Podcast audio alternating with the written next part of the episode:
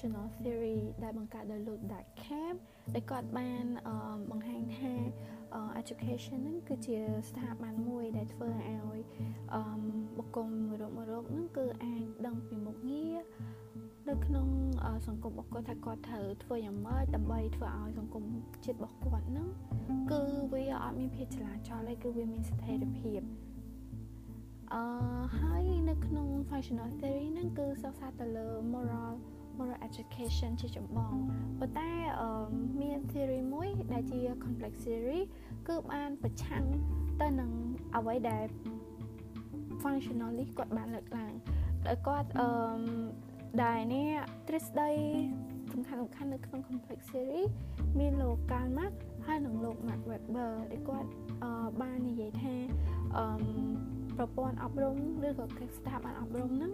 គឺមិនជាកន្លែងដែលធ្វើឲ្យមនុស្សហ្នឹងគាត់អឺចឹងនិយាយថាគាត់ទទួលបានឬក៏ដឹងឮថាគាត់នឹងមានមុខងារអីគាត់ដឹងថាគាត់ត្រូវធ្វើមិននៅក្នុងសង្គមពេលដែលគាត់ចេញទៅពិភពលោកខាងក្រៅឯងប៉ុន្តែ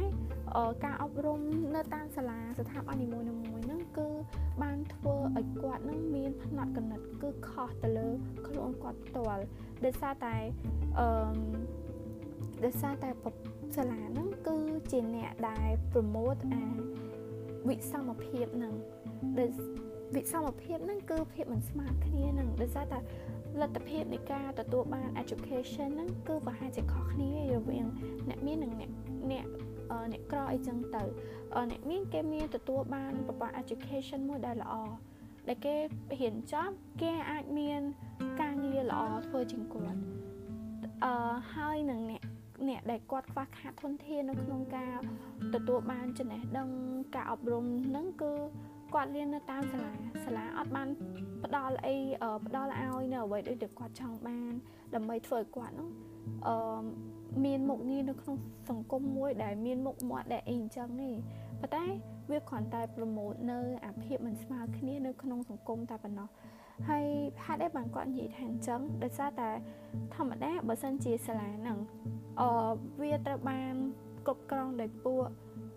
ដោយពួកអ្នកមានអំណាចអ្នកមានលុយអញ្ចឹងទៅគ្រប់ system ទាំងអស់គឺធ្វើឡើងធ្វើឲ្យតែមនុស្សដែលទទួលបានការអប់រំហ្នឹង គឺមានអាស្មារតីមួយគឺគាត់មានតែប៉ុណ្្នឹងគាត់អាចលើសហ្នឹងឯងអញ្ចឹងគាត់យល់ថាអ្វីដែលគាត់បានហ្នឹងគឺគាត់ធ្វើបានប៉ុណ្្នឹងគាត់យកប៉ុណ្្នឹងឯងបើតាមពិតគាត់អត់បានមើលឲ្យឆ្ងាយថាអ្វីដែលគាត់ទទួលបានតែពិតវាមានការគ្រប់គ្រងគឺសង្កត់ពីអ្នកដែលគេមានអំណាចខាងលើពេលអញ្ចឹងបានលោកកាលម៉ាក់និងលោកម៉ាក់ Weber គាត់ច្រានចោលអ្វីដែលជាការអះអាងរបស់ពួក functionalist ហើយអឺប៉ុន្តែរវាងលោកកាម៉ាក់ហើយនិងលោក Mark Weber ហ្នឹងគាត់មានការឆ្លងបញ្ចាំងទៅលើទស្សនៈពីរហ្នឹងក៏វាខុសមានលក្ខណៈខុសគ្នាតិចតួចដែរប៉ុន្តែភាពខុសគ្នារវាងលោក Karl Marx និង Mark Weber ហ្នឹងខ្ញុំនឹងនិយាយនៅវគ្គក្រោយទៀតតែគ្រាន់តែអ្វីដែលដឹងថាអឺអ្វីដែល complex series លើកឡើងហ្នឹងគឺគាត់ចង់និយាយថាការអប់រំហ្នឹងវាមិនមែនដូចអ្វីដែលពួក functionally លើកឡើងទេការអប់រំគឺ promote inequality ដែលធ្វើឲ្យសិស្សគាត់ទទួលបាន fair fair consciousness គាត់គាត់ទទួលបានអាការដឹងមួយគឺវាខុស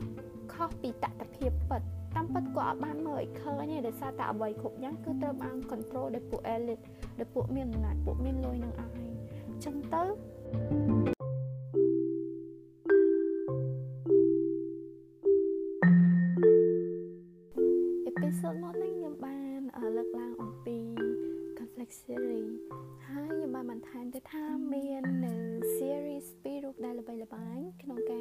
បង្កើត complex series មួយហ្នឹងដែលមានលោក Karl Marx ហើយនិងលោក Mark Weber ប៉ុន្តែបើទោះបីជាពួកគាត់ឈរលើ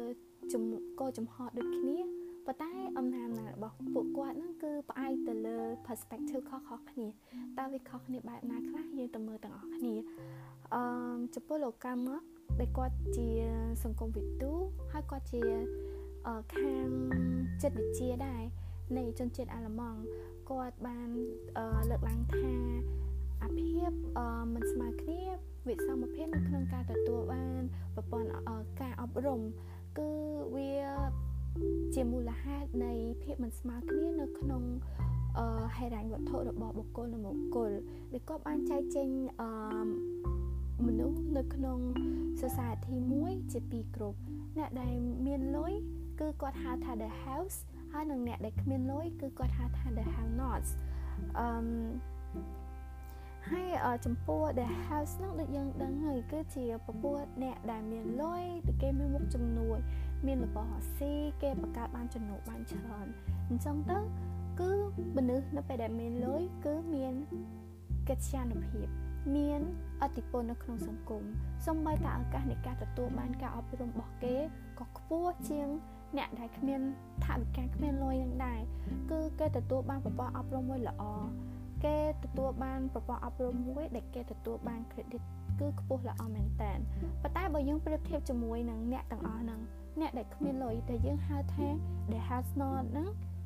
គឺគាត់ឱកាសនៃការទទួលបាន education របស់គាត់ហ្នឹងគឺតូចទាបមែនតើ បើទោះជាគាត់បានហ្នឹងក៏គាត់ស្ថិតនៅក្នុងពពោប្រព័ន្ធមួយដែលបណ្ដោះអា fair consciousness ទៅឲ្យគាត់ដែរឲ្យគាត់យល់ថាគាត់ទៅប៉ុណ្ណឹងគាត់ធ្វើបានតែប៉ុណ្្នឹងឯងអត់អាចលើសណែមបាននេះទៀតទេអញ្ចឹងគាត់ accept a fact របស់គាត់ហ្នឹងអញ្ចឹងវាធ្វើឲ្យប្រព័ន្ធអប់រំហ្នឹងគឺវាអាក្រក់មែនតើធ្វើឲ្យមាន inequality in society បានប៉ុន្តែចំពោះលោក Mark Webber គឺគាត់រៀងសិក្សាទៅលើ inequality ហ្នឹងទៅលើ3កត្តាទី1គឺសិក្សាទៅលើ power ទី2គឺទៅលើ status និងទី3ក៏ដូចលោកកាមាក់ដែរសិក្សាទៅទៅនឹង economic relation អឺប៉ុន្តែចំពោះលោក Mark Webber ហ្នឹងគាត់សិក្សាអឺគាត់គាត់ចែកចេញមនុស្សជាពីរគ្រប់ដូចគ្នាប៉ុន្តែគាត់ហៅថា insider និងអ្នក outsider ចំពោះ outsider ហ្នឹងគឺ បើគិតពីលោកកាមកហ្នឹងដូច the have not ចឹងគឺអ្នកដែលទទួលបានការអប់រំហ្នឹងគឺអត់ល្អទេគឺទៀបដោយសារតែគាត់អត់លុយតែចំពោះ insider គឺអ្នកដែលគេមានលុយគឺពពួក elite អ្នកឬក៏ដូចលោកកាមក insider ហ្នឹងគឺដូចអឺ the house ចឹងគឺគេទទួលបានប្រព័ន្ធអប់រំអីល្អអីចឹងទៅហើយលោក Weber ហ្នឹងក៏គាត់សង្កត់ធ្ងន់ទៅលើអឺ power relation ហ្នឹងគឺតកតងជាមួយនឹង educational credential នៅពេលដែលឱកាសនៃការងារនៅក្នុងសង្គមមួយហ្នឹងគឺវាទាមទារឲ្យមាន credit ច្រើនមែនតើពីពី candidate អញ្ចឹងចំពោះអ្នកដែលគាត់អត់មានលុយគឺគាត់គ្មានលទ្ធភាពណាដើម្បីទៅរៀនដើម្បីទទួលបានអាសញ្ញាបត្រអស់នឹងមកហើយព្រោះវាទាមទារវាត្រូវការលុយច្រើនប៉ុន្តែចំពោះអ្នកដែលមានលុយ គេរៀនបានមិនក៏បានដែរគេអាចរៀនបាននឹងខ្ពស់គេអាចតទៅ master គេមានលុយ support អីចឹងទៅដល់ពេលអញ្ចឹងគេទទួលបាន credential មួយខ្ពស់ដល់ពេល credential របស់គេខ្ពស់គេទទួលបាន high profile job ចឹងចំពោះឱកាសការងាររបស់អ្នក in outsider កាន់តែតិចទៅតិចទៅទៀតហើយអញ្ចឹងវាធ្វើឲ្យអ្នកមាន អមអតិពលនឹងកាន់តែមានអតិពលអ្នកអត់អតិពលនៅក្នុងសង្គមនឹងកាន់តែដុនដាបកាន់តែអន់ថយមែនតើអញ្ចឹងភាពខុសគ្នារបស់លោកកាមកនិង Weber នឹងគឺខុសគ្នាតែទៅលើកត្តាដែលគាត់សិក្សាដែលគាត់សង្កត់ធ្ងន់លើលោកកាមកគឺគាត់សិក្សាទៅលើតែតកតនឹង capitalism គឺតកតនឹង economic relation ប៉ុន្តែរបស់លោក Mark Webber គឺគាត់លើពីនឹងទៀត គឺគាត់មានទាំង economic relation មានទាំង status ដែលតកតនឹង prestige ហើយនឹង power ដែល involve ទៅក្នុង inequality in society ហ្នឹង bye bye រប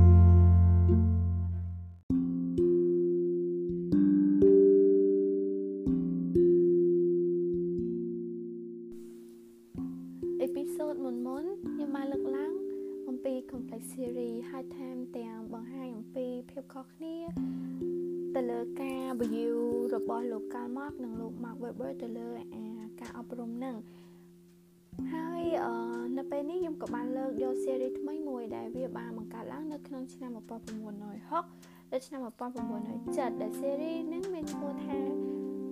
Reproduction and Resistance Theory ចំពោះ Reproduction Theory បានធ្វើឲ្យយើងមើលឃើញថាអឺ school នឹងមិនមែនតែជាជា factor មួយដែលធ្វើឲ្យសិស្សគាត់មានអាប្រយោជន៍មួយខុស fair consciousness ប៉ុន្តែ family ក៏ចូលតាក់ទងនៅក្នុងនឹងនឹងដែរគឺ family គឺតាក់ទងជាមួយនឹង social class យើងត្រូវដឹងថាមនុស្សដែលមាន social class គាត់សិតតែមាន five consciousness ទាំងអស់អានឹងតាម complex theory គាត់បាន claim មកអញ្ចឹងអញ្ចឹងឧទាហរណ៍ថាឪពុកម្ដាយម្នាក់ឪពុកម្ដាយគាត់មាន social class នឹងអាចជាវណ្ណៈកសិករអញ្ចឹងទៅអញ្ចឹងការគិតរបស់គាត់គឺអត់មើលសម្លឹងឲ្យខ្ពស់ទេគាត់អាច អឺកំណត់នៅវាសនាកូនគាត់ទៀតមានអតិពលទៅលើការគិតរបស់កូនគាត់នៅក្នុងការទទួលបានការអប់រំឧទាហរណ៍ថាអឺកូនណាមិនបាច់ហ៊ានច្រើនជាងហ្នឹងទេហ៊ានប៉ុណ្ណឹងទៅរហូតទីទៅប៉ុណ្ណឹងរស់តាមរស់មករស់ទៅកូនអញ្ចឹងអាសម្ដីរបស់គាត់និងការគិតរបស់គាត់នឹងអាចមានអតិពលយ៉ាងខ្លាំងទៅលើការលើកទឹកចិត្តការជំរុញកូនគាត់ឲ្យឲ្យបោះជំហានឲ្យការទៅខ្ពស់តាមរយៈការព្យាយាមទទួលការអប់រំហ្នឹងគឺ limit មែនតើសម្រាប់កូនគាត់ចឹងបានអាហ្នឹងក៏ជាកត្តាមួយក្នុងការធ្វើឲ្យមាន social inequality នឹងដែរទី2គឺ school នៅពេលដែល teaching ដូចតែយើងបាននិយាយមុនហ្នឹងអញ្ចឹងដូចទៅលោកកម្មមកបាននិយាយគាត់ថានៅពេលដែលពួក capitalist អាច control ទៅលើ education system គឺពិបាកមែនតើគឺ system ហ្នឹងគឺគ្រាន់តែ self ឡើងដើម្បីពួក support ពួក capitalist ទេដល់ពេលអញ្ចឹងអឺប្រព័ន្ធអប់រំគឺធ្វើឡើងដើម្បីតែធ្វើឲ្យកូនសិស្សនោះគាត់មានមនុស្សគុំវិជ្ជាមួយគាត់មានទស្សនៈមួយថាទោះរៀនទៀតគឺបានតែប៉ុណ្ណឹងគាត់ត្រូវតែទទួលយកអ្វីដែលគាត់មានហើយតាម reproduction theory គឺកូនសិស្សហ្នឹងអាចថានឹង like អាចថាពួកគាត់ហ្នឹងគឺគាត់ចាប់ផ្ដើមទទួលយកអា social hierarchy ហ្នឹងថាពិតជាវាត្រឹមត្រូវវាអញ្ចឹងមែនមនុស្សវាគេបែងចែកទៅតាមឋានៈនៃអឺឋានៈសង្គមរបស់គាត់ហ្នឹងគឺត្រឹមត្រូវដោយសារតែវាមាន merit merit របស់គ្រប់នីមួយៗគឺខុសៗគ្នាមែនតែប៉ិតវាមិនមែនអញ្ចឹងទេវាជាភាពអយុត្តិធម៌មួយនៅក្នុងសង្គមតែប៉ុណ្ណោះ ហើយទន្ទឹមនឹងនេះក៏មាន resistance theory មួយដែលបានកើតឡើងដែរប៉ុន្តែ resistance theory ហ្នឹងគឺបង្កើតឡើងដើម្បីប្រឆាំងទប់ទល់ជាមួយនឹង reproduction theory ឯង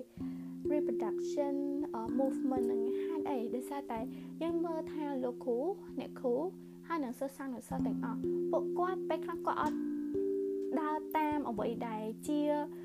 ការកំណត់របស់ប្រព័ន្ធអប់រំទាំងអស់ឯងលោកគ្រូអ្នកគ្រូក៏ព្យាគាត់បានព្យាយាម កែតម្រង់នៅការ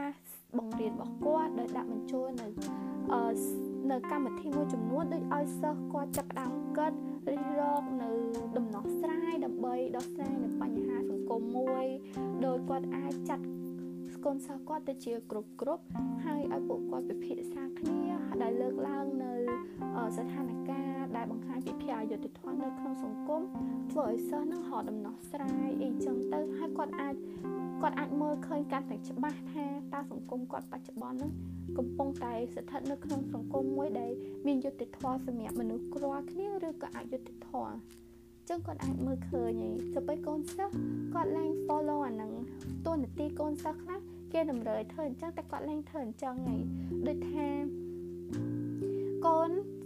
ជាកូនត្រូវតែស្ដាប់ឪពុកម្ដាយរាល់ការព្រៀនបដៅរបស់ឪពុកម្ដាយមិនថាខុសឬត្រូវមិនថាពួកគាត់និយាយមកគឺវាសំស្រាប់ទៅទៅក្នុងកលៈទេសក្នុងកលៈទេសៈសង្គមមួយនឹងឬក៏អត់ទេដូចថាអឺដូចខ្ញុំលើកឡើងមុននឹងឪពុកម្ដាយកសិករគឺអាចនឹងមានគាត់ការកាត់ខ្លីអញ្ចឹងកូនគាត់អាចអឺប្រឆាំងនឹងការកាត់របស់គាត់ថាអឺ ប៉ាម៉ែតែប៉ិតទោះបីជាយើងអញ្ចឹងបើយើងផឹងហ៊ានការអប់រំវានឹងផ្លាស់ប្ដូរវាសនារបស់ពួកយើងនៅក្នុងថ្ងៃអនាគតអញ្ចឹងអាទាំងអស់ហ្នឹងវាជា resistance theory អញ្ចឹងវាក៏ល្អដែរដូចដែលធ្វើរាល់ថ្ងៃអញ្ចឹងលោកគ្រូអ្នកគ្រូក៏ចាប់ផ្ដើមធ្វើឲ្យយើងនឹងចាប់ផ្ដើមគិតយ៉ាង មកចត់គិតដោយតាមរយៈការពិភាក្សាគ្នាផ្លាស់ប្ដូរយោបល់ផ្លាស់ប្ដូរបទពិសោធន៍ដែលយើងធ្លាប់ជួបនៅក្នុងសង្គមហើយយកមកពិភាក្សារិះរកវិភាគដើម្បីរកដំណោះស្រាយអញ្ចឹងទៅពិតជាល្អដើម្បីជួយសម្រួលហើយនឹងជួយលុបបំបាត់ខ្លះខ្លះយ៉ាងណាយ៉ាងហោចណាស់ក៏យើងអាចមានចំណេះដឹងមានការដឹងឮជាងមុនអំពីភាពមិនស្មើគ្នានៅក្នុងសង្គមរបស់យើងដែរអអរគុណនៅ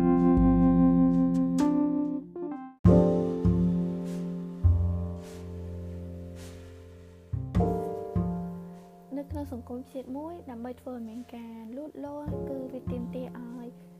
ប្រជាជនទាំងអស់មនុស្សគ្រប់រូបដែលរស់នៅក្នុងសង្គមជាតិមួយហ្នឹងគឺវាចូលសហការគ្នាហើយក៏ដូចគ្នាដែរ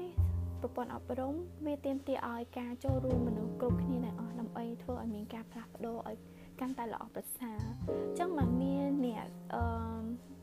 អ្នកអឺ បង្កើតទ្រឹស្ដីជាច្រើនដែលគាត់បានបង្កើតទ្រឹស្ដីតកតងជាមួយនឹងប្រព័ន្ធអប់រំហ្នឹងគឺផ្សេងផ្សេងគ្នាហើយអ្វីដែលធ្វើឲ្យមានភាពខុសគ្នាហ្នឹងគឺដោយសារតែគូពួកគាត់មកពីចុះងារគាត់មានទស្សនៈផ្សេងផ្សេងគ្នាដើម្បីចឹងទៅបង្កើតបាន theory ជាច្រើនដែលមានដូចជា functional theory complex theory simulating interaction theory ហើយនឹងមាន series ជាច្រើនទៀតប៉ុន្តែជាចម្បងគឺអេពីសូតនេះគឺខ្ញុំនឹងបកស្រាយអំពី functional theory ហ្នឹងតែម្ដងតើនរណាជាអ្នកបង្កើត functional theory ហ្នឹងអឺគឺលោក Durkheim ដែលគាត់ជាសង្គមវិទូជនជាតិបារាំងគាត់បាននិយាយថាអឺប្រព័ន្ធអប់រំហ្នឹងគឺដើរតួនាទីសំខាន់នៅក្នុងការរក្សាស្ថិរភាពនៅក្នុងសង្គមមួយតើហេតុអីបានអញ្ចឹងហេតុអីបាន ការអប់រំហ្នឹងវាទៅជាមានតួនាទីក្នុងការរក្សាស្ថិរភាពនៅក្នុងសង្គមយើងដឹងច្បាស់ហើយថានៅក្នុងសង្គមមួយវាមានស្ថាប័នជាច្រើនវាមានស្ថាប័នអប់រំស្ថាប័នសុខាភិបាលស្ថាប័នគ្រួសារស្ថាប័នសាសនាស្ថាប័នសេដ្ឋកិច្ចហើយអឺស្ថាប័នដែលចំអនជាងគេនៅក្នុងនោះគឺស្ថាប័នអប់រំដែលសារតែជាស្ថាប័នមួយគឺបណ្ដោះធនធានមនុស្សគឺមនុស្សដែលមានចំណេះដឹង ដើម្បីចូលរួមនៅក្នុងការអភិវឌ្ឍជាតិមួយអញ្ចឹងអឺស្ថាប័ននីមួយៗហ្នឹងគឺប្រស័យតាក់ទងគ្នាប៉ុន្តែនៅក្នុងនេះគឺខ្ញុំ mainly focus ទៅលើស្ថាប័នអប់រំហើយលោកដេកខានថាស្ថាប័នអប់រំហ្នឹងគឺជាកន្លែងមួយដែលបណ្ដោះមនុស្សឲ្យមានសិលធម៌មនុស្សដែលមានសិលធម៌មនុស្សដែលទៅជាមនុស្សដែលដឹងថាខ្លួនឯងត្រូវធ្វើអីមានមុខងារអីនៅក្នុងសង្គម ចឹងទៅគាត់អត់បង្កភាពចលាចលនៅក្នុងសង្គមទេនឹងបាននេះអញ្ចឹងមនុស្សនៅពេលដែលគាត់ចេញមកពីការអប់រំតែមួយប្រព័ន្ធអប់រំនោះវាសេតមកថាអមនុស្សត្រូវតែមានសិលធម៌មនុស្សត្រូវតែដើម្បីបង្កើតឲ្យមានអឺសាមគ្គីភាពនៅក្នុងសង្គមយើងត្រូវតែមានការការការចែកតម្លែកនៅការឲ្យតម្លៃ និងមុខមតិគ្នាទៅលើគ្រប់បញ្ហាទាំងអស់ដល់ពេលអញ្ចឹងទៅគឺនៅពេលដែលមនុស្សគាត់ចេញពីសាលារៀនទៅគឺគាត់អាច function អឺចឹងណាគាត់មានមុខងារខុសៗគ្នាហ្នឹងនៅក្នុងសង្គមប៉ុន្តែគ្រប់ដែលមុខងារដែលពួកគាត់ធ្វើហ្នឹងសិតតែវាបំពេញឲ្យគ្នាទៅវិញទៅមកទេដល់ពេលអញ្ចឹងទៅសង្គមហ្នឹងនឹងទទួលបានភាពរីកចម្រើនដែរចឹងបានលោក Durkheim ហ្នឹងនៅក្នុង functional theory ហ្នឹង គឺគាត់បាននិយាយអំពី moral education ប៉ុន្តែចំពោះការបកស្រាយទៅលើ moral education ហ្នឹងខ្ញុំនឹងបកស្រាយទៅលើ episode ក្រោយហ្នឹងមិន episode ហ្នឹងទេអញ្ចឹងយើងគ្រាន់តែដឹងថា functional theory ហ្នឹងគឺគាត់សង្កត់ធ្ងន់ទៅលើ education ហ្នឹងដែលជាអ្នកត្រូវតែធ្វើម៉េចឲ្យបណ្ដោះនៅមនសិការមួយដែលថាមានមានទាំងគុណភាពមនុស្សនៅក្នុងនឹងហើយ អាចបំពេញតួនាទីបាននៅពេលដែលគាត់ចេញទៅសង្គមខាងក្រៅហើយប្រកបដោយសុជីវធម៌ល្អទៀតគាត់ដឹងថាគាត់ត្រូវធ្វើអីប្រតិបត្តិយ៉ាងម៉េចអញ្ចឹងទៅវាអត់មានប្រកបបញ្ហាឬក៏ភាពចលាចលនៅក្នុងសង្គមមួយហ្នឹងអញ្ចឹងសង្គមមួយហ្នឹងនឹងនឹងទៅដល់រលូននឹងមានភាពលូតលាស់អីចឹងអរគុណច្រើន